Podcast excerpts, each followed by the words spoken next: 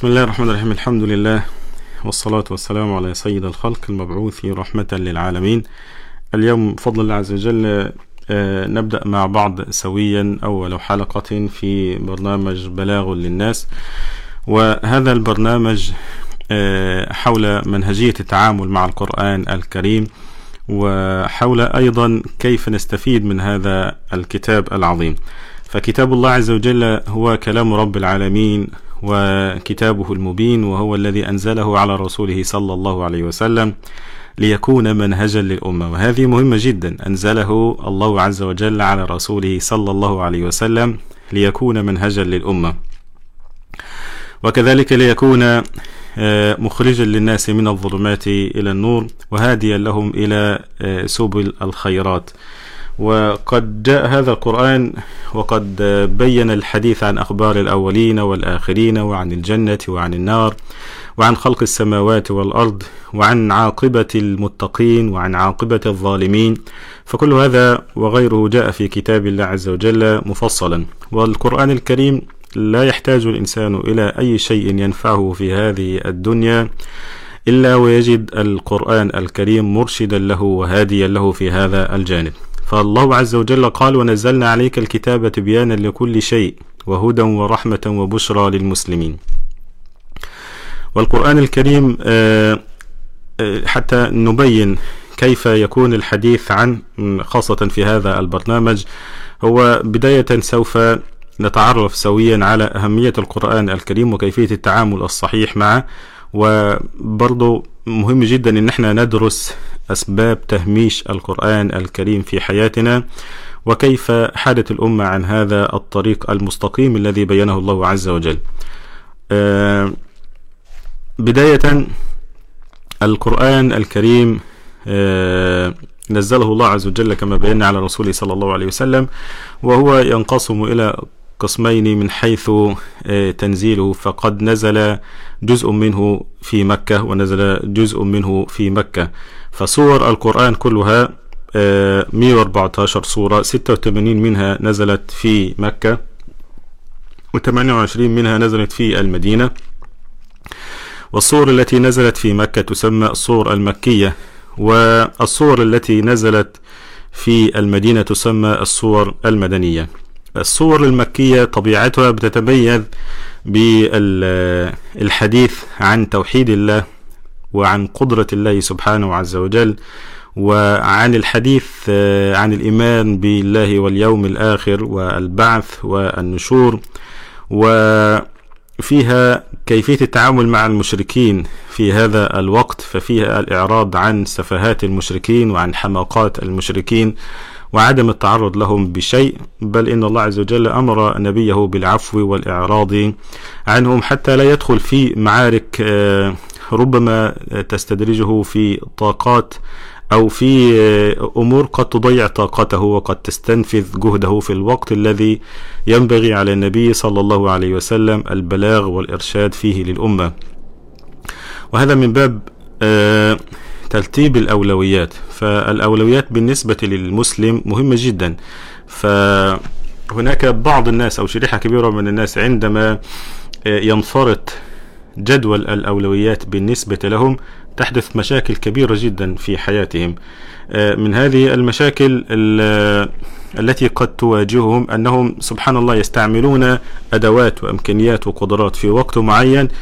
آه، ليس الوقت مناسب لمثل هذه الأمور فيقعون في مشاكل كبيرة جدا تبوء بالفشل ثم يترتب عليه إحباط ويأس وما شابه ذلك.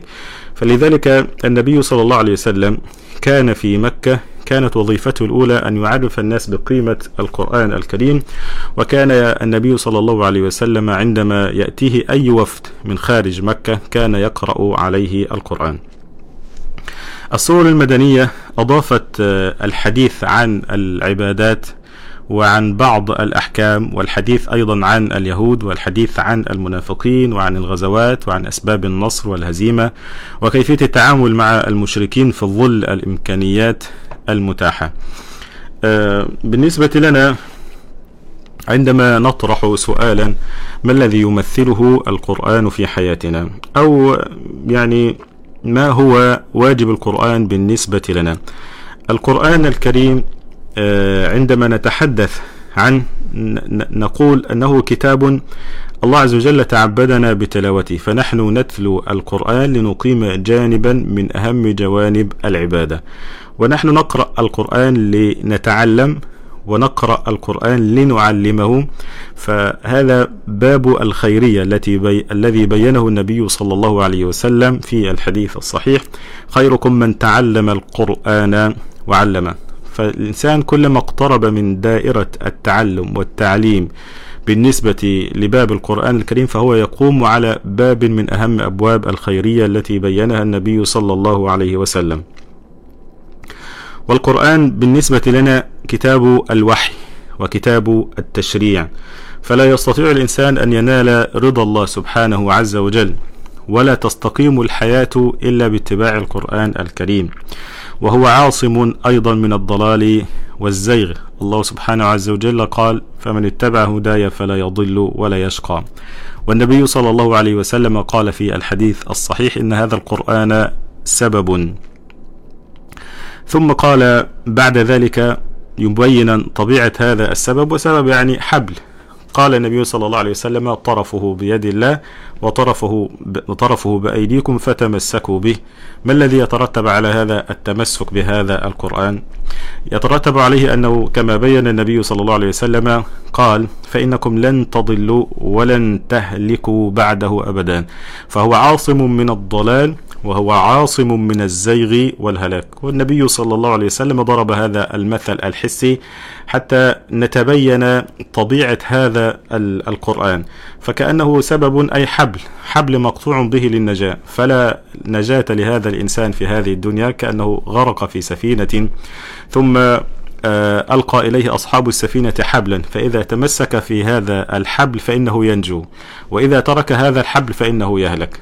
مثل هذا الأمر مثله كمثل القرآن. فكلما كانت الأمة وكلما كان الأفراد والجماعات متمسكين بكلام الله سبحانه عز وجل تطبيقا ومنهجا وعملا وتدبرا وإصلاحا فإنهم على خط النجاة وعلى سبيل الإصلاح. أما إذا فقد هذا الحبل فإنهم للأسف الشديد آه، يسعون في طريق الضلال وطريق الزيغ والهلاك.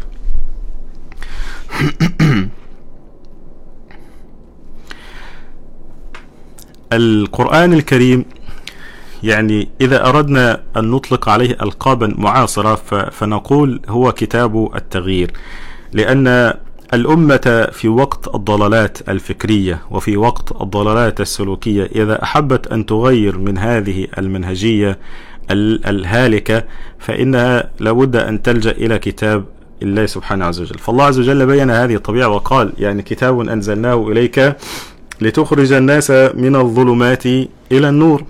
فكل إنسان يعيش بعيدا عن كتاب الله أو يسلك منهجا يختلف عن منهجية القرآن فهو في ظلمات. وإذا تدبر الإنسان القرآن وأخذه جانبا للإصلاح فإنه ينتقل به من الظلمات إلى النور. مادة الحياة الطبيعية وإذا قلنا مادة الحياة الطبيعية يعني ما هو السبب الذي من خلاله نستطيع أن نحيا حياة طيبة؟ وغذاء الروح إذا قلنا أيضا ما هو غذاء الروح الذي تنتعش به هذه النفس؟ هذه أمور كلها بالنسبة للإنسان لابد أن يهتم بها. الإنسان عندما يغفل عن طبيعة تركيبه فإنه قد يزيغ وقد ينحرف. طبيعة تركيب الإنسان إخواننا دائما بتعتمد على تغذية هذا الجسد وتغذية هذا الروح. بالتوازن بين مطالب الجسد على حسب منهج القرآن والتوازن أيضا بين مطالب الروح فإنه تستقيم هذه النفس وتسعد هذه الروح. إذا تعامل أي إنسان في هذه الحياة مع جانب واحد قد ضل وقد زاغ عن هذا المنهج. فالقرآن الكريم يقيم توازنا بين قضية الروح وقضية الجسد. إذا عاش القرآن حياة مادية فقط يغذي جسده ويطعم آه، بطنه وكذلك يسعى لتلبية رغبات نفسه وأهوائه فهذا إن جسد هذا يعني آه، يعيش حياة مادية بحتة. هذه الحياة المادية البحتة هل يترتب عليها إسعاد الإنسان في هذه الدنيا؟ طبعا قبل أن نجيب على ذلك أنظر إلى واقع أهل المادة وإلى واقع الناس الماديين الذين يعتمدون على سعادتهم على هذا الجانب فقط فتجد مثلا إنسان أعطى الله عز وجل ماديات وأموال كثيرة وحدث ولا حرج ممكن على سبيل الجاه والمنصب ولكن في نهاية الأمر تجده أنه عنده نوع من الجفاف الروحي فيهلك بعد ذلك لأنه يعيش يعني أعزكم الله كحياة الأنعام. ولذلك لما رحب الله عز وجل من حياة غير المسلمين بين أن طبيعتهم يعيشون كحياة الأنعام. قال الله سبحانه عز وجل والذين كفروا يتمتعون ويأكلون كما تأكل الأنعام والنار مثوى لهم. يعني إذا كانت حياة الإنسان فيها شبه كبير جدا من جانب الحيوانات وهو يحيا كحياة الحيوانات بمعنى أنه يأكل ويشرب ويتكاثل ويتناسل. فهذه حياة هي مناسبة للطيور للحيوانات للوحوش في البريات. أما حياة الإنسان هو لا يستقيم أبدا بهذه الحالة لأن كل إنسان وكل مخلوق على هذه الأرض الله عز وجل هيأ له حياة تناسبه. فأي إنسان في هذه الحياة لا يحيا أبدا بدون روح. فهناك إنسان إذا اعتمد على الجانب المادي فقط هذه ليست سعادة. وإذا كانت هناك سعادة وقتية هذه سعادة غفلة. لكن إذا جلس الإنسان بينه وبين نفسه لا يجد متعة ولا سعادة ولا يجد آه، حياة طيبة. فلذلك الله تبارك وتعالى بين لهذا الإنسان الطريق الصحيح الذي من خلاله إذا سلكه يطعم هذا الجسد وهذه الحياة المادية. يعني بين له الحلال والحرام وكيف يطعم وكيف يشرب وبين له مفصلا في كتاب الله الحلال من الطيبات والحلال من المأكولات والحلال من المشروبات. حتى يكون أيضا الإنسان في حياته المادية يمشي على جانب نهجه الله عز وجل له وبينه الله عز وجل له. أما جانب الروح فهو لابد أن يحدث نوع من التوازن مع هذه مع هذه النفس بأن يغذي غذاء الروح. الروح نفسها لا غذاء لها إلا بالقرآن الكريم. فالمسميات القرآن الكريم كثيرة جدا. فمنها مثلا الكتاب ومنها مثلا القرآن ومنها الفرقان وكل ذلك في كتاب الله. تجد مثلا من مسميات القرآن الكريم الروح. فالله عز وجل قال وكذلك أوحينا إليك روحا من أمرنا. فهذا الإنسان الذي يحيا بالقرآن فهو إنسان حي. أما الإنسان الذي لا يتدبر بالقرآن ولا يقرأ القرآن وبعيد عن منهجية القرآن فإنه إنسان ميت. طيب كيف نحيا كيف نحكم على إنسان ميت؟ وهو يتحرك ويأكل ويشرب. آه، نقول ذلك الموت الذي نقصده هو موت الغفلة. فالإنسان الغافل عن لقاء ربه فهو ميت. الإنسان الغافل عن الأعمال الصالحة التي تقربه إلى الله سبحانه عز وجل فهو ميت. الإنسان الذي لا يجد في قلبه ميلا وحبا للخير وحبا من القرب لله سبحانه عز وجل فهو إنسان ميت. فلذلك كان القرآن آه، واضحا جدا في هذه المسألة فقال إذا أراد الإنسان أن يحيا حياة فيها روح حقيقية فلابد أن يكون من خلال منهج القرآن الكريم. القرآن الكريم بالنسبة لنا هو مادة الرفعة ومادة قيام الدول. فإذا أرادت أي دولة أن يكون لها شأن وأن يكون لها رفعة فلا بد أن يكون ذلك من خلال منهج القرآن الكريم. آه الله تبارك وتعالى قال لقد أنزلنا إليكم كتابا فيه ذكركم يعني فيه شرفكم فيه عزكم فيه عظمتكم ومكانتكم بين الأمم. لقد أنزلنا إليكم كتابا فيه ذكركم.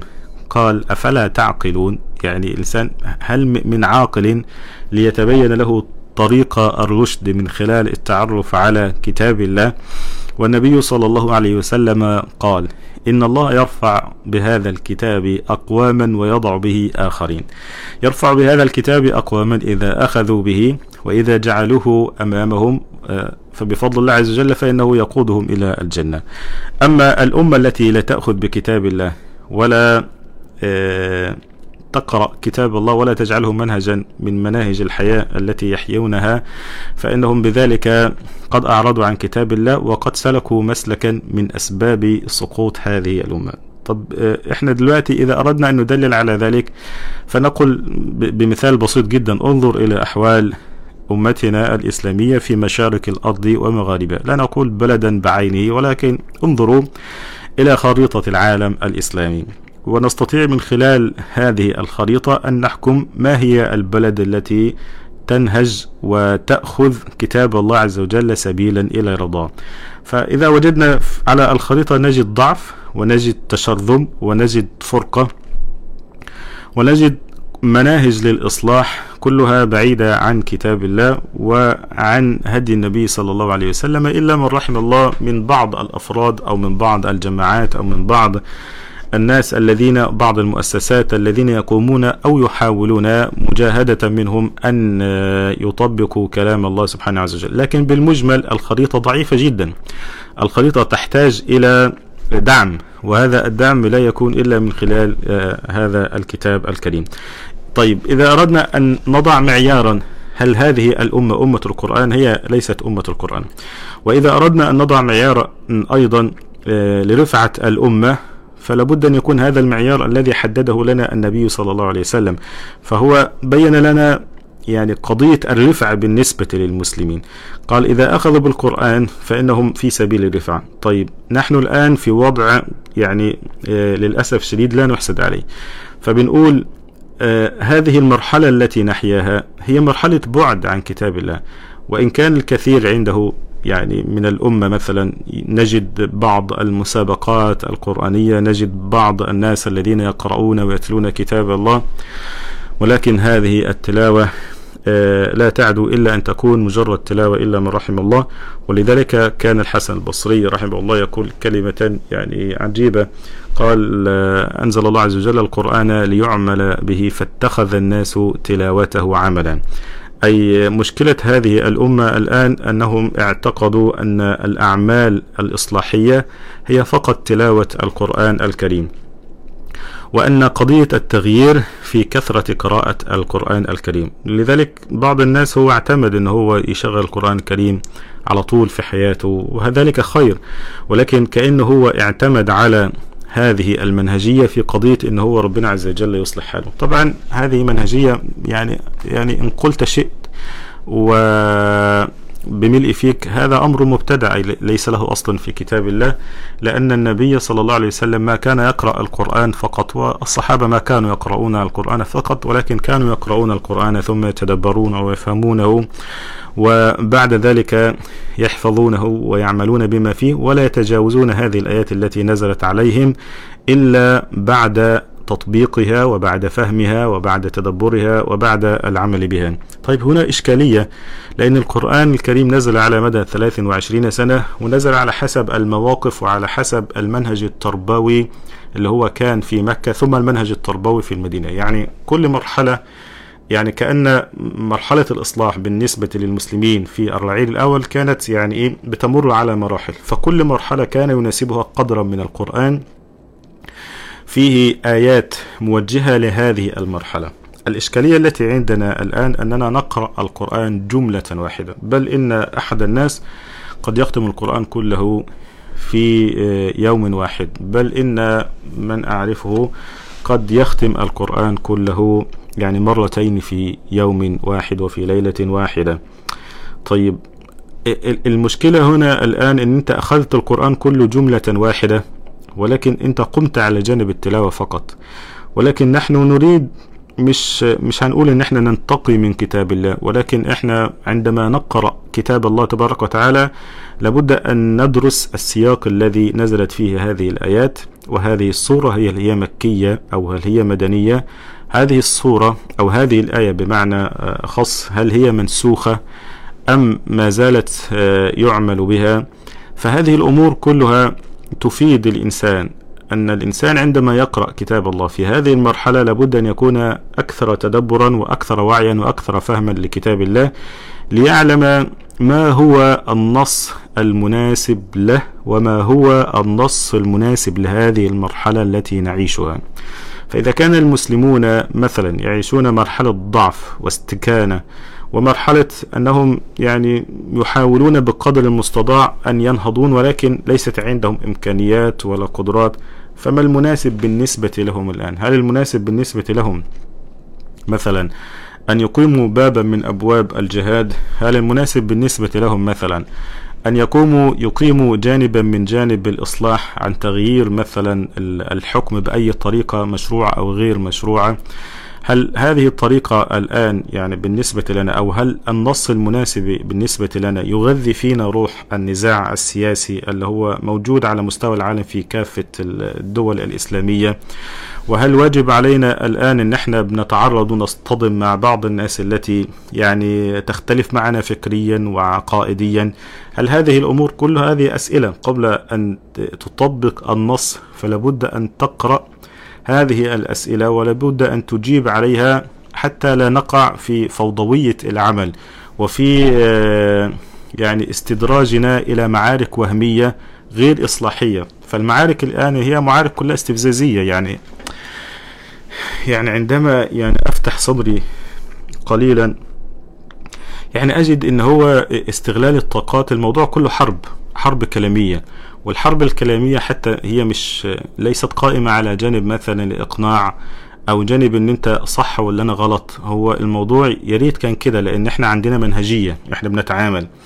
لكن هو الموضوع أنا بشتمك وأنت بتشتمني. آه أنت آه, آه، بنحاول إن إحنا اللي يجيب جماهيرية أكثر بيغلب. بيحاول اللي معاه فلوس أكتر يعمل مثلا أي حاجة مثلا يقدر يدعم بها موقفه. ايا كان هذا الموقف بقى يعني سواء كان موقف هو إحنا نتفق معه أو نختلف.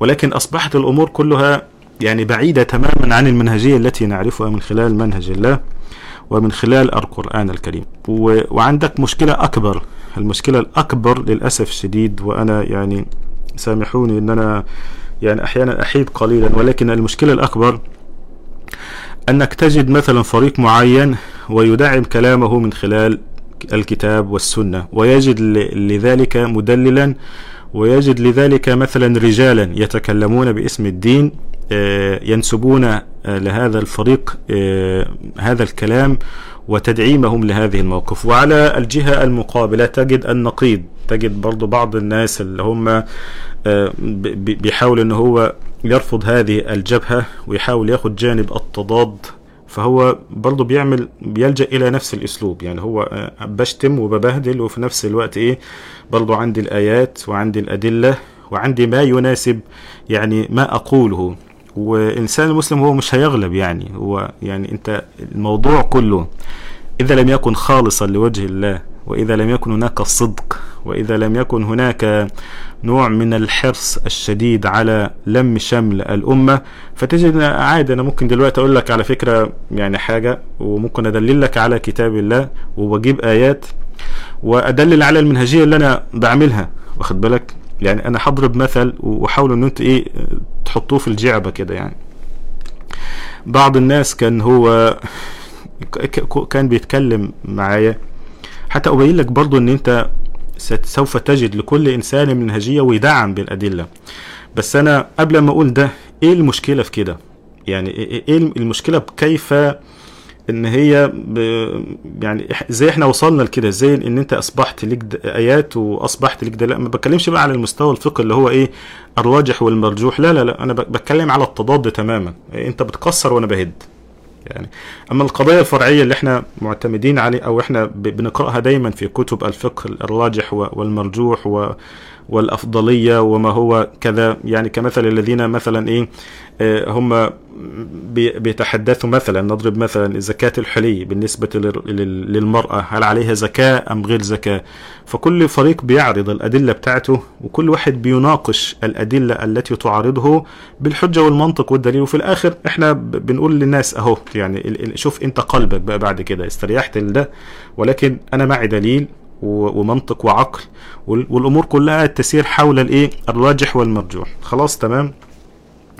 لكن لما تيجي أنت بقى أنت بتهد وتستدل بآيات وأنت برضه بتهد وتستدل بآيات. يعني بمعنى فلما حد مثلا أنت بتكلمه بتحاول تتناقش معه عن عن قضية الإصلاح وقضية التدريج وقضية إن إحنا ينبغي إن إحنا بنصلح لا- نستثير اشخاصا. يعني أنا ما اجيش على حد أعمل له استثارة و- و- وردة الفعل بتاعت الاستثارة بتاعتي ديت إن أنا هو يهدم لي الدنيا. فحتى في منهج القرآن المسلمين كانوا يسمعون الأذى و... وكانوا يتعرضون للمشركين إن هم بيحاولوا عاوزين يردوا عليهم. فالله تبارك وتعالى أنزل وقال ولا تسبوا الذين يدعون من دون الله فيسبوا الله عدوا بغير علم. ما, ما تسبوش. ليه؟ لأن سوف يترتب على ذلك مشكلة أكبر أنه سوف يسب الله فتسكت. شايفه هو بيعمل حاجة وحشة أو شايفه إن هو بيخرب ولا بتاع اسكت. ليه؟ لأن أنت ما عندكش الإمكانية والقدرة إن أنت تسكته. ولكن هو دلوقتي عنده شوكة وعنده قوة. وفي هذه المرحلة أنت لو استفزيته هيعمل مشاكل أكبر. طبعا كل ده بتكلم أنا بحاول أجتهد ممكن يعني في الأول والآخر أنا مخطئ يعني أنا ما بحطش نفسي وده مهم جدا جدا جدا يا اخوانا وإحنا بنتحدث في قضو في في قضايا الإصلاح. حط نفسك دايما مقام مش مش اللي هو إيه هو كده وأنا شايف كده والباقي لا لا, ما ينفعش. إحنا كلنا بنحاول إن إحنا بنقترب من الصراط المستقيم. كما بين النبي صلى الله عليه وسلم قال سددوا وقاربوا ولا بد أن نتعلم الأدب. الأدب أنا أمام رجل مسلم ايا كانت منهجيته طالما أنه رجل موحد وعنده أصول أهل السنة والجماعة أنه يعني لا يشرك بالله وأنه غير غير مشرك وغير كافر وأنه يحب الله ورسوله ايا كانت منهجيته بقى وعقيدته أنا بقى لازم أتأدب يعني ما, ما, ينفعش إن أنا مثلا أقول له أنت على ضلال مثلا. ما ينفعش إن أنا أقول له إن أنت منافق. ما ينفعش إن أنا مثلا أكبر الموضوع أو مجرد إن أنا هو كتب كلمة مثلا مش مش مش متماشية. خلي بالك مع أهوائي أنا ومش متماشية مع أفكاري أنا فبالتالي أنا هصده وهقول له أنت منافق وإنت وإنت وإنت. لا لابد أن يكون هناك نوع من الاحترام في الأول في الدائرة اللي إحنا بنتكلم فيها دائرة المسلمين. فأنا هرجع للقضية اللي بتكلم فيها. في بقى القضايا الفقهية بتختلف عن القضايا اللي إحنا بنتحدث فيها ان انت بقى قضية التضاد بقى. ان أنا بهدم والتاني مثلا شايف ان هو بيبني أو العكس ايا كان يعني. فكل واحد شايف التاني ان هو حتى لو انت بتبني أنا شايفك ان انت بتخرب يعني. بس هو المشكلة بقى بالاستدلال اللي هو بيخرج بيخرج عن يعني الساحة وبعدين يستدل بآيات القرآن الكريم. زي واحد مثلا هو بيتحدث عن منهجية معينة ورؤية معينة ثم يقول واخد بالك خلي بالك يعني يستدل بالقرآن الكريم. يقول لك اذهب إلى فرعون إنه طغى. يعني إحنا هو بيقول لك كده. روح موت فلان ده مثلا عشان هو ربنا عز وجل بيقول اذهب إلى فرعون إنه طغى. هو السياق مختلف. يعني هذه رسالة جاءت من الله تبارك وتعالى لشخص بعينه وليست للأمة. وهذه رسالة موسى ورسالة موسى تختلف عن رسالة محمد صلى الله عليه وسلم إلا فيما وافقت الشريعة التي نحن عليها. إذا بهذا المنهج يبقى إذا الآية التي كانت يعني بتنزل بقى على النبي صلى الله عليه وسلم اذهب إلى أبي جهل واذهب إلى يعني غيرهم من المشركين وقتلهم تقتيلا. هناك منهجية مختلفة تماما. وهل المنهجية التي هو يستدل بها بهذه الطريقة هل هي لها أصل؟ ليست لها أصل يعني أنت أنت جايب نص مختلف تماما عن السياق اللي بتتحدث فيه وحطيته فلذلك أنا بقول لك المشكلة بتيجي فين؟ إن أنت بتأخذ نص وبعدين بتبني عليه استدلالك وبعدين بتبينه للناس ويقول لك الله عز وجل قال ذلك فأنت أنا لو مش فاهم أنا يعني هو لما أنت بتقول إيه؟ يعني إيه- أنت كيف استدليت بهذا الأمر في قضية إن أنت بتروج لنفسك فكرة معينة عاوز تعملها؟ ف فهي ال- المشكلة الأساسية اللي بتواجهنا اللي هي قضية مش عاوز أقول كلمة جهل عشان بعض الناس ما بيستسيغش هذه الكلمة ولكن بقول عدم المعرفة عند الكثير من الناس عدم المعرفة عند الكثير من الناس بيلبس عليه هذا الأمر. بيقول لك صح ما القرآن بيقول كده.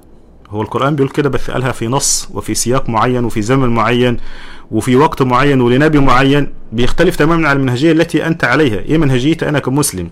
يقول لك يا عم أنت يعني هو أنت شايف؟ ما أنا شايف. طب أنت في في فرق إن أنت تنكر وفي فرق إن أنت تبين الإصلاح وفي فرق إن أنت تجيب دليل عشان آه تقيم به شيء معين هو في الأصل خطأ بالنسبة لك. سواء كان هنا ولا هنا. وفي الآخر مثلا ما تلاقيش فريق تاني مثلا يبين نفسه إن هو عنده نوع من الملائكيه وبعدين يجي يقول لك أنت لازم تكون عندك ثقة مطلقة. أنا ما عنديش ثقة مطلقة مع حد. أنا إلا من خلال منهج. يعني انت أنت بالنسبة لي أنت بالنسبة لي رجل قد تخطئ وقد تصيب. وأنت بالنسبة لي عندك من الحق ما بمثل ما هو استدلالك واعتمادك على الآيات الصحيحة والأحاديث الصحيحة التي ثبت عن النبي صلى الله عليه وسلم. لكن الثقة المطلقة ديت هي ليست لأي أحد. الثقة المطلقة دي للنبي صلى الله عليه وسلم. الثقة المطلقة التي عندي لصحابة النبي صلى الله عليه وسلم. دي دي ثقات اسمها مطلقة معتمدة. لأن الصحابة تربوا على يد النبي صلى الله عليه وسلم وعملوا ما يأمرهم به النبي صلى الله عليه وسلم. وكذلك النبي صلى الله عليه وسلم جاءه القرآن وجاءه الوحي وبلغه للناس. يبقى هذا مصدر التقديس الوحيد بالنسبة لنا. ننتقل إلى بعد ذلك بقى اللي هو الفكرة اللي أنت أحيانا بتروج لفكرة معينة إن أنا بالنسبة لك هو أحسن حاجة. ما ينفعش إن أنت تقول أنت أحسن حاجة ولا ما ينفعش إن أقول لك أنا أحسن حاجة. لكن هو الخطاب المستقيم الذي تتحمله عقول الناس خاصة الناس الذي عندها قدر من المعرفة إن هو نحن نقبل الخطاب نحن نحاول أن نجتهد ونأخذ جانب الإصلاح بقدر ما عندنا واتباعنا لهدي النبي صلى الله عليه وسلم واتباعنا لمنهج القرآن. يعني أنا أحترم فيك ذلك وأحترم فيك أن أنت بتأخذ هذه المنهجية. لكن تعرض العرض بتاعك اللي هو العرض بقى الإيه؟ أنا أحسن واحد وأنا أفضل واحد. سواء كان أي طرف بقى بيطلع بيتكلم كده فهو ما فيش حاجة اسمها أنت أحسن واحد. في حاجة اسمها أنت بتجتهد عشان تكون أحسن واحد على هذا المنهج. لكن أنا أعطيك ثقة مطلقة بمعنى أن أنا خلاص أمشي وراك لدرجة أن أنا يعني خلاص أعم عيني. ده, حتى النبي صلى الله عليه وسلم والأصول التي عندنا تبين أن الطاعة في المعروف. يعني إذا كان الذي يعني يأمرك أن تأخذ العصابة السوداء وتضعها على عينك وأن تمشي وراءه نعم أنا أنا ما عنديش مشكلة. طالما أنت في الطريق بتاعي طالما أنت في الطريق اللي هو المعروف. لكن أنا أول ما تقول لي على فكرة لا لو سمحت أنا أنا مغميها بس عشان إيه يعني هي ماشية هي ماشية مع منهجيتي أنا كمسلم. لكن غير ذلك ما, ما أتحمل هذا. فلذلك يا إخواننا بنقول المشكلة الأساسية التي عندنا بالنسبة لاستعمال آيات القرآن الكريم هي منهجية التلقي الصحيح وقضية سياق الموضوع وقضية آه الوقت الذي نزلت فيه هذه الآيات وهل الواقع الذي نحياه هو مثل الواقع الذي نزلت فيه هذه الآيات والسياق يعني الذي جاءت به هذه الآيات هو نفس السياق والحديث اللي إحنا بنتحدث عنه ولا هي العملية بتخطف وتحط وأنت مش واخد بالك؟ فهو الموضوع بيجي إن واحد بيقرأ هو ما عندوش منهجية ما عندوش أصول مثلا ثابتة بيركن ليه فهو بيقرأ القرآن ويقول لك ده ربنا بيقول طب هي فين آية؟ فين سورة؟ إيه سبب الآية التي ما سبب الآيات التي نزلت؟ في سبب في نز سبب. طيب وما هي الإمكانيات التي نزلت فيها هذه الآية؟ كانت نزلت هذه الآية في وقت مكة أو في وقت المدينة. نزلت في بداية حياة النبي صلى الله عليه وسلم في المدينة أو في آخر ما نزل على النبي صلى الله عليه وسلم في المدينة لأن في بعض الآيات نسخت. فهذا يحتاج إلى علم. فإحنا لو ما عندناش هذا العلم هنبتدي نتخبط. وهيبتدي كل واحد يطلع بقى. فلذلك ده أساسه إيه يا اخوانا نرجع بقى للأصل النقطة. النقطة الإخلاص. أساسه الصدق. أساسه أننا لا نريد إلا أن يرتفع دين الله سبحانه عز وجل. أساسه إن إحنا لا نريد لهذه الحياة أن تكون بعيدة عن كتاب الله وعن سنة النبي صلى الله عليه وسلم. هو ده أساسه. لأن إحنا عندنا قناعة وعندنا قبل هذه القناعة يقين يقين قوي جدا أنه لا صلاح لهذه الأمة إلا من خلال منهج القرآن وإلا من خلال منهج النبي صلى الله عليه وسلم. الله تبارك وتعالى قال وأنزلنا إليك الذكر لتبين للناس ما نزل إليهم ولعلهم يتفكرون. فمادة التفكر وإعمال العقل هي مادة القرآن الكريم والجهد الذي تبذله في أي كتاب غير كتاب القرآن الكريم في وقت البدايات نقول لابد أن يكون عندنا بدايات مهمة. بدايتنا مع كتاب الله وليست مع أي شيء آخر. بدايتنا مع تقوية الإيمان وتعريف الناس على هذا الإيمان. طيب هل المجتمع الآن شوف بس الساعة كام بعد إذنكم. هل المجتمع الآن صالح للتغيير بالقرآن؟ ده سؤال مهم. أم هناك أمور أخرى آه نلجأ إليها لقضية الإصلاح؟ ليه بنسأل هذا السؤال؟ لأن الكثير لجأ إلى الإصلاح بمسميات أخرى وبأشكال أخرى. يعني أنا ممكن أطلع على الناس دلوقتي بأي شكل وبأي طريقة أبتدي أتكلم مع الناس. آه والله أنا شايف كذا وشايف كذا والأغنية الفلانية ومش عارف والناس دول وبيخبط في دول. وبعدين يبتدي يتكلم على الجماعة الفلانية بتخبط في الجماعة. ده مش منهج إصلاح. أنت طلع تتكلم. يعني أنت طلع تتكلم. وتعيد يعني أحداث معينة. إحنا كمسلمين إحنا مطلوب مننا الا نكرر الأحداث. إحنا ما بنكررش أحداث يعني ما نقعدش نتكلم ما نقعدش نتكلم كتير ده حصل ولكن بنستشهد بموقف حصل عشان ندلل بيه على يعني إيه المنهجية اللي إحنا بنتحدث عنها. عشان ندلل بيه إن القرآن الكريم يعني سبحان الله عندما يتحدث عن منهج إصلاحي فهذا الوقت الذي حدثت فيه مثلا هذه المشكلة سببها أنهم بعدوا عن منهج كتاب الله. لكن ناس كتير بتطلع هتطلع وده مهم إن إحنا بنتحدث به مع احترامنا للكل. طبعا احترامنا للكل لهم وافر الاحترام وده حقهم كمسلم. هو رجل كمسلم أنا يجب أن أنا أحترمه. وأحترم ما يقول ولكن لي أن أنكر ولي أن أعترض. وهذا بالنسبة لأي أحد لأي أحد من المسلمين. أنت تستطيع أن تنكر كلامه لأن كلامه غير صائب وهو مخالف مثلا لمنهجية الكتاب ومنهجية السنة. فله وافر الاحترام وله يعني وافر الشكر. ونشكره على ذلك ونقول اجتهاد في خير في غير محله وتضييع لطاقات الأمة واستنزاف لطاقات الأمة. ولكن الواجب علينا إن إحنا بنلجأ إلى المنهجية الصحيحة. النبي صلى الله عليه وسلم كان عندما كما بينا آنفا كان عندما يلتقي مع الوفود ما كانش بي يعني بيظهر لهم مظهر ان هو الرجل اللي هو أخلاقي. بعد نزول الوحي طبعا بعد يعني في في مرحلة ما قبل الوحي وما بعد الوحي. النبي صلى الله عليه وسلم مدة أربعين سنة ظهر للناس أنه رجل أخلاق من الدرجة الأولى. النبي صلى الله عليه وسلم قبل نزول الوحي آه ظهر للناس أنه رجل أمين من الدرجة الأولى لدرجة أن الناس عندما يحتاجون وهم مسافرون إلى شخص أمين يضعون فيه عندهم أماناتهم وأموالهم كانوا لا يختارون إلا النبي صلى الله عليه وسلم. دي المرحلة الأولى. أما المرحلة التي بعد ذلك اللي هي مرحلة ما بعد نزول الوحي. لما نزل الوحي النبي صلى الله عليه وسلم لما عرض نفسه على الأمة وعرض نفسه على قريش وعرض نفسه على الوفود التي تأتيه من غير مكة كان يعرض عليهم القرآن الكريم.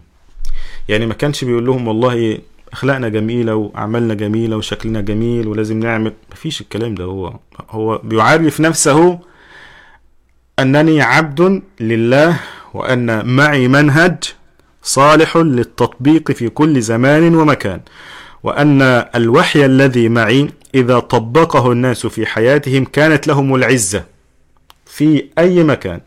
ولذلك حتى كان كان من سفاهات وحماقات المشركين لما كانوا بيقولوا النبي صلى الله عليه وسلم وقالوا إن نتبع الهدى معك نتخطف من أرضنا.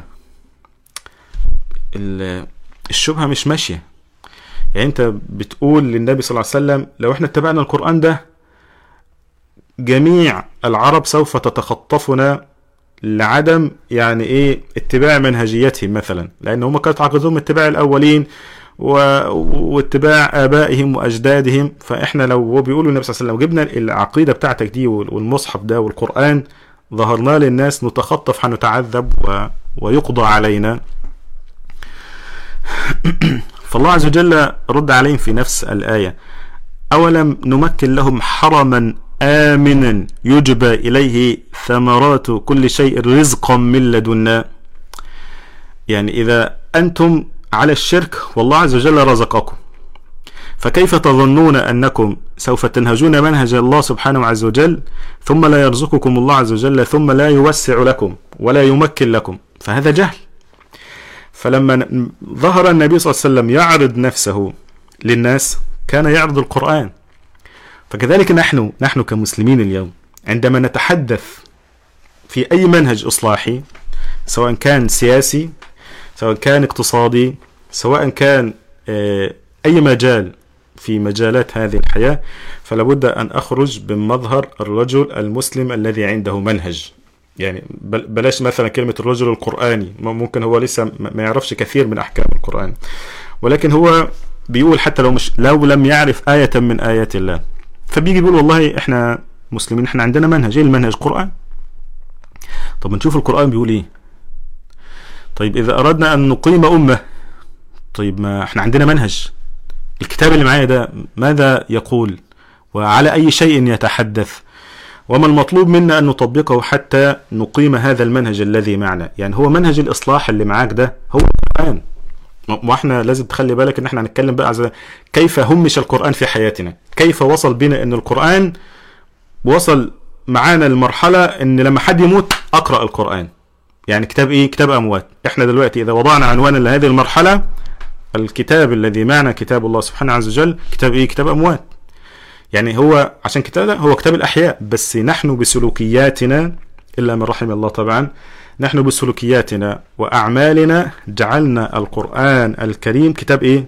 كتاب أموات. أو أي أو أي معنى آخر مش عاوزين نستطرد في هذا الحديث عشان هو هيجي الحديث عنه خاصة في أسباب تهميش القرآن في حياتنا وكيف وصلنا لهذه المرحلة. لكن بنرجع هل النبي صلى الله عليه وسلم عندما خرج على الناس خرج على الناس بأنه معه وحي قال الله سبحانه عز وجل قل إنما أنذركم بالوحي.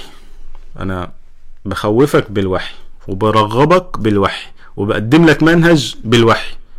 أنا فين؟ أنا مش موجود. أنا عبد. عندي ثقة مطلقة وعندي يقين مطلق في أن هذا الوحي الذي نزل علي هو كتاب مهمته أن يسعد الإنسان في هذه الدنيا قبل الآخرة. كتاب مهمته الإصلاح. كتاب مهمته التغيير والتغيير مش مش يعني مش المعكوس بقى اللي إحنا بيحصل دلوقتي.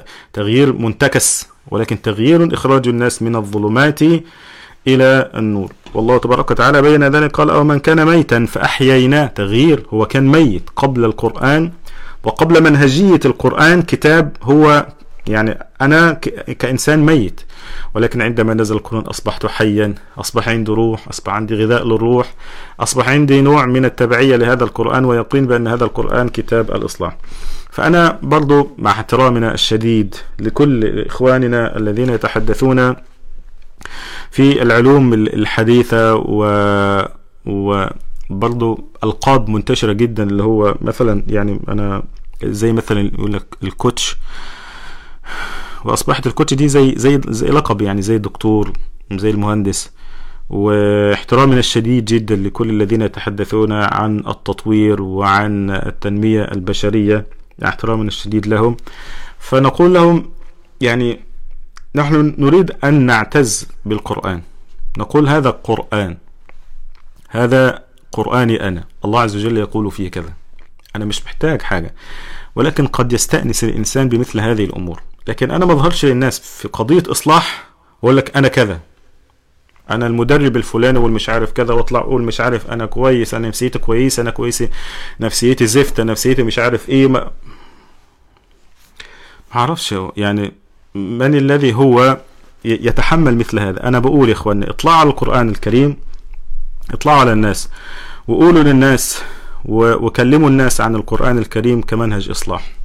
يبقى أنا دلوقتي بفرق إن أنا دلوقتي بتحدث مثلا كمهنة أنا دكتور مهندس أنا كذا خلاص دي, دي علوم دنيويين لكن عندما نريد لهذه الأمة أن تنهج منهج الإصلاح عرفوا نفسكم بالإيه؟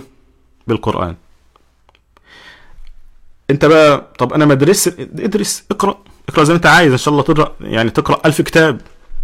ما كل دي بيسموها توسيع المدارك والآفاق. ما عندناش أي مشكلة.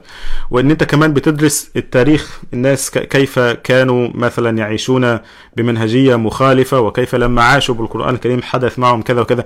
ولكن كن كما شئت كما تحب. ولكن عندما تخرج للناس تحدث معهم كرجل قرآن.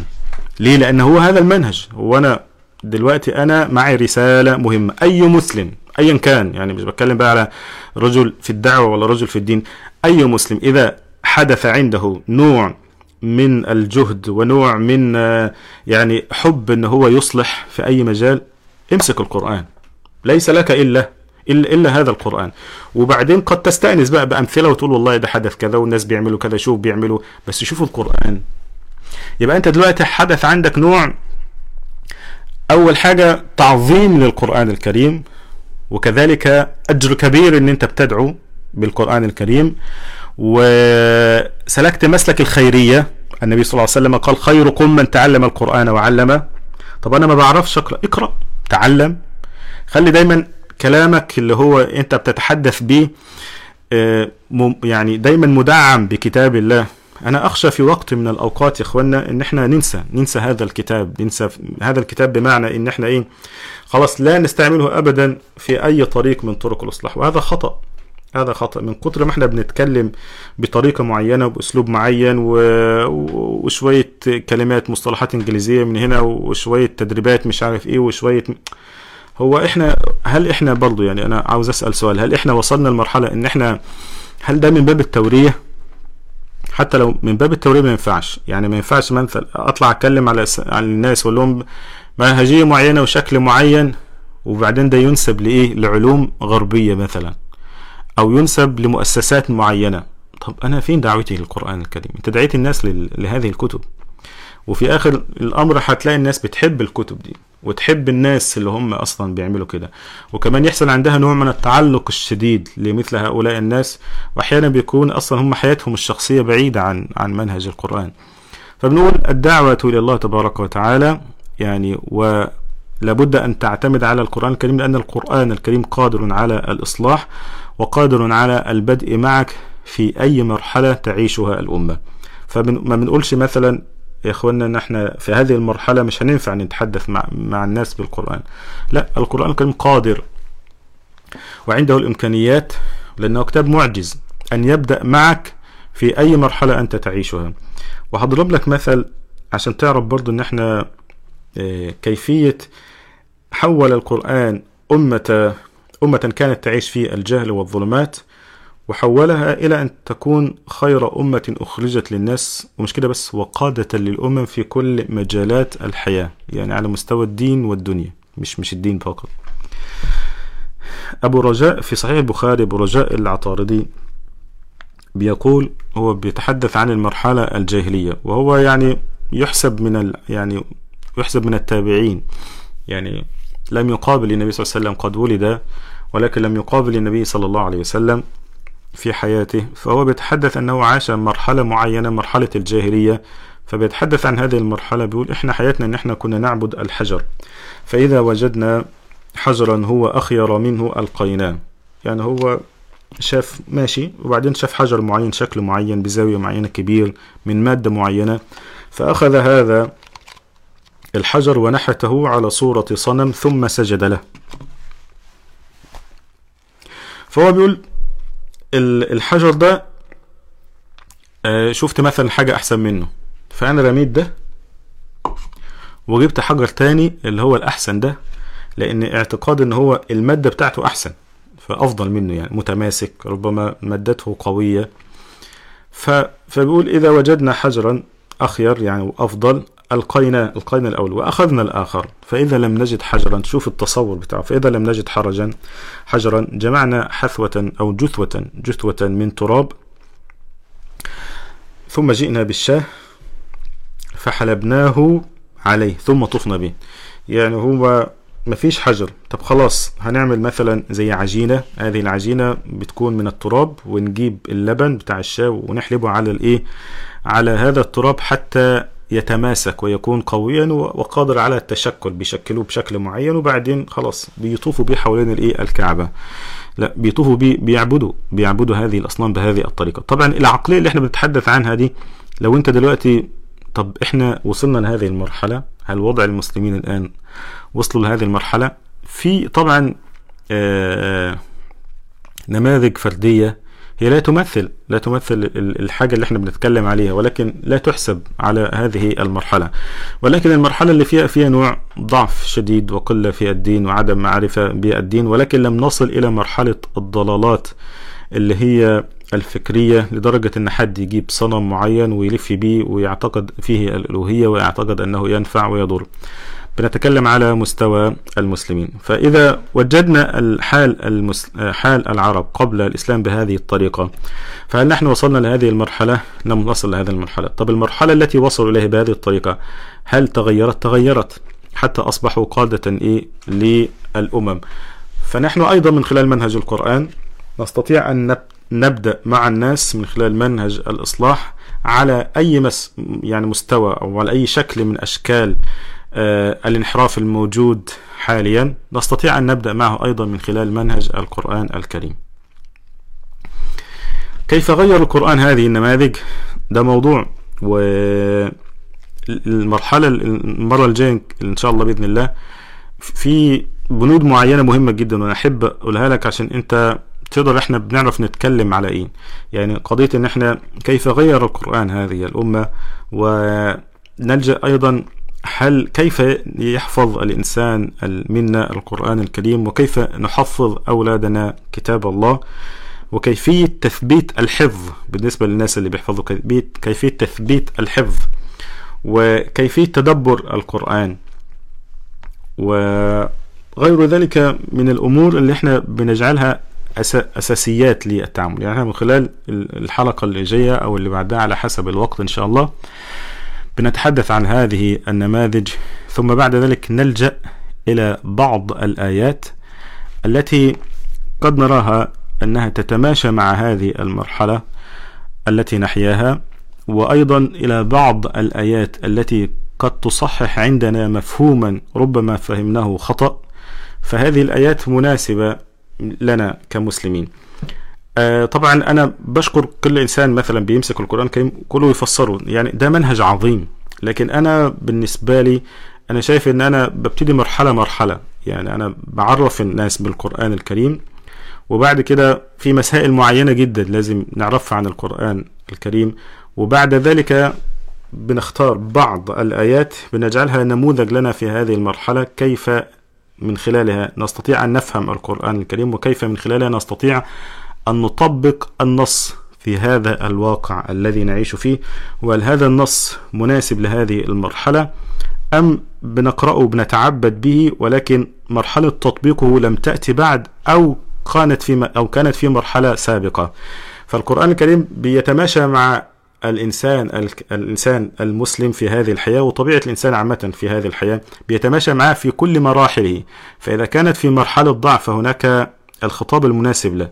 وإذا كانت في مرحلة إذا كان الإنسان في مرحلة قوة وتمكين فهناك ما يتماشى معه وما يتناسب معه من خلال منهج الله. لكن الخطأ اللي إحنا بنعمله دلوقتي والكثير من الناس إلا من رحم الله بيقع فيه إن هو للأسف بيحاول بيقرأ القرآن الكريم ويطبقه جملة واحدة ويأخذ فيه من النصوص والآيات التي لا تتماشى مع واقعنا المعاصر ثم يستدل بهذه الآيات في غير محلها فتقع المشكلة ويقع البعد ويقع أيضا اليأس والإحباط عند الكثير من الناس ويظنون لماذا نطبق القرآن ونعمل بالقرآن ولا يتغير حالنا بل لماذا نطبق القرآن و يعني نتحدث بآيات الله سبحانه عز وجل ثم يكون مثلا الهزيمة تلاحقنا من كل جانب. فده المهم اللي إحنا نفهمه من خلال هذه المرحلة. ختاما يعني إحنا بقالنا دلوقتي ساعة إلا أربع دقائق. ختاما أسأل الله تبارك وتعالى أن يجعلني وإياكم من أهل القرآن الكريم وأسأل الله عز وجل علما نافعا ورزقا طيبا وعملا متقبلا.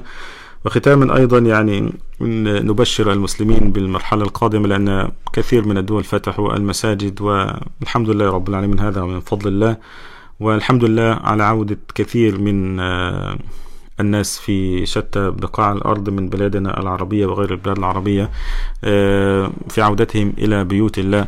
وهذه مرحلة جديدة نحاول يعني أن نشكر الله عز وجل عليها. ونسأل الله عز وجل ألا يحرمنا أبدا من بيوت الله ونسأل الله سبحانه عز وجل أن يزيدنا علما وأن يزيدنا بركة وانتفاعا بالقرآن الكريم وأخيرا دعوة خاصة لكل آه، الأطباء الذين هم في مقام الصف الأول هم إخواننا ونحن نحبهم في الله ونقول لهم يعني ثبتكم الله وأعانكم الله فهذا واجب واجب تقومون به لخدمة الإسلام والمسلمين والإنسان إذا حمل هذه الإمانة فإنه يقوم بها فإنه على خير عظيم. فنسأل الله تبارك وتعالى لإخواننا الأطباء يعني في مشارق الأرض ومغاربها أن يعينهم وأن يبارك في سعيهم وأن يعني يجعل كل ما يعملونه من خدمة للإسلام والمسلمين وذلك أيضا صف الممرضين والممرضات فهم أيضا يقفون في نفس الجبهة. فنسأل الله تبارك وتعالى أن يحفظهم وأن يبارك فيهم. وأنا بلساني ولسان كل المحبين ولسان كل الشرفاء ولسان عوام المسلمين. أن نقول لكم جزاكم الله عنا كل خيرا. وتحملوا ما أنتم فيه. ونسأل الله تبارك وتعالى لمن مات من الأطباء وغير الأطباء بسبب هذا المرض. نسأل الله تبارك وتعالى أن يكون هذا المرض شفيعا له. ونسأل الله سبحانه عز وجل أن يتقبلهم جميعا. مع الشهداء والصديقين والنبيين والصالحين وحسن أولئك رفيقا. هذا واجب الأمة الآن أن نحس بإخواننا. وأيضا دعوة خاصة لكل من أصابهم هذا المرض. ولكل يعني من أصابهم المرض ولم يتأثروا سواء كانوا متأثرين أو غير متأثرين. نسأل الله تبارك وتعالى أن يعافيهم ونسأل الله تبارك وتعالى أن يشفيهم. أسأل الله العظيم رب العرش العظيم أن يشفيهم. أسأل الله العظيم رب العرش العظيم أن يشفيهم. أسأل الله العظيم رب العرش العظيم أن يشفيهم يا رب العالمين. وأيضا نسأل الله تبارك وتعالى لعموم المسلمين. نسأل الله عز وجل لنا ولهم العفو والعافية. هذا من أفضل الأدعية التي يدعو بها الإنسان. اللهم إنا نسألك العفو والعافية يا أرحم الراحمين. اللهم إنا نسألك العفو والعافية يا رب العالمين. وفي دعائين مهمين جدا يعني أحب أن أذكركم بهما. الإنسان إذا كان في عافية فلا يغفل عن شكر الله سبحانه عز وجل ولا يغفل عن أن يسأل الله تبارك وتعالى أن يثبت هذه النعم. فالنبي صلى الله عليه وسلم قال اللهم إني أعوذ بك من زوال نعمتك. اللهم إني أعوذ بك من زوال نعمتك. اكتبوا هذا الدعاء أخواننا في التعليقات حتى يقرأه كثير من الناس. أن ندعو ونكثر من هذا الدعاء. اللهم إني أعوذ بك من زوال نعمتك وتحول عافيتك وفجاءة نقمتك وجميع سخطك. ودعاء أيضا اللهم إني أعوذ بك من جهد البلاء. أنت عارف لما البلاء بيوصل معك لمرحلة أن هو بيجهدك. فلا نريد أن نصل بالبلاء معنا إلى هذه المرحلة. فالبلاء قد طال كثيرا من الناس وأجهدهم اقتصاديا سياسيا آه، ماديا. فنسأل الله تبارك وتعالى وكما استعاذ النبي صلى الله عليه وسلم. اللهم إني أعوذ بك من جهد البلاء ودرك الشقاء وسوء القضاء وشماتة الأعداء اللهم إنا نعوذ بك من البرص والجنون والجذام ومن سيء الأسقام. اللهم اغمرنا برحماتك وبركاتك يا أرحم الراحمين. وصلى اللهم على محمد وعلى آله وصحبه أجمعين. إن شاء الله نلتقي معكم بإذن الله يوم الثلاثاء الساعة السابعة مساء توقيت القاهرة الساعة 12 قبل الظهر بتوقيت ولاية أركنسا بأمريكا. فنسأل الله تبارك وتعالى ختاما أن يبارك فيكم وأن يبارك في وقتكم. والسلام عليكم ورحمة الله وبركاته. جزاكم الله خيرا.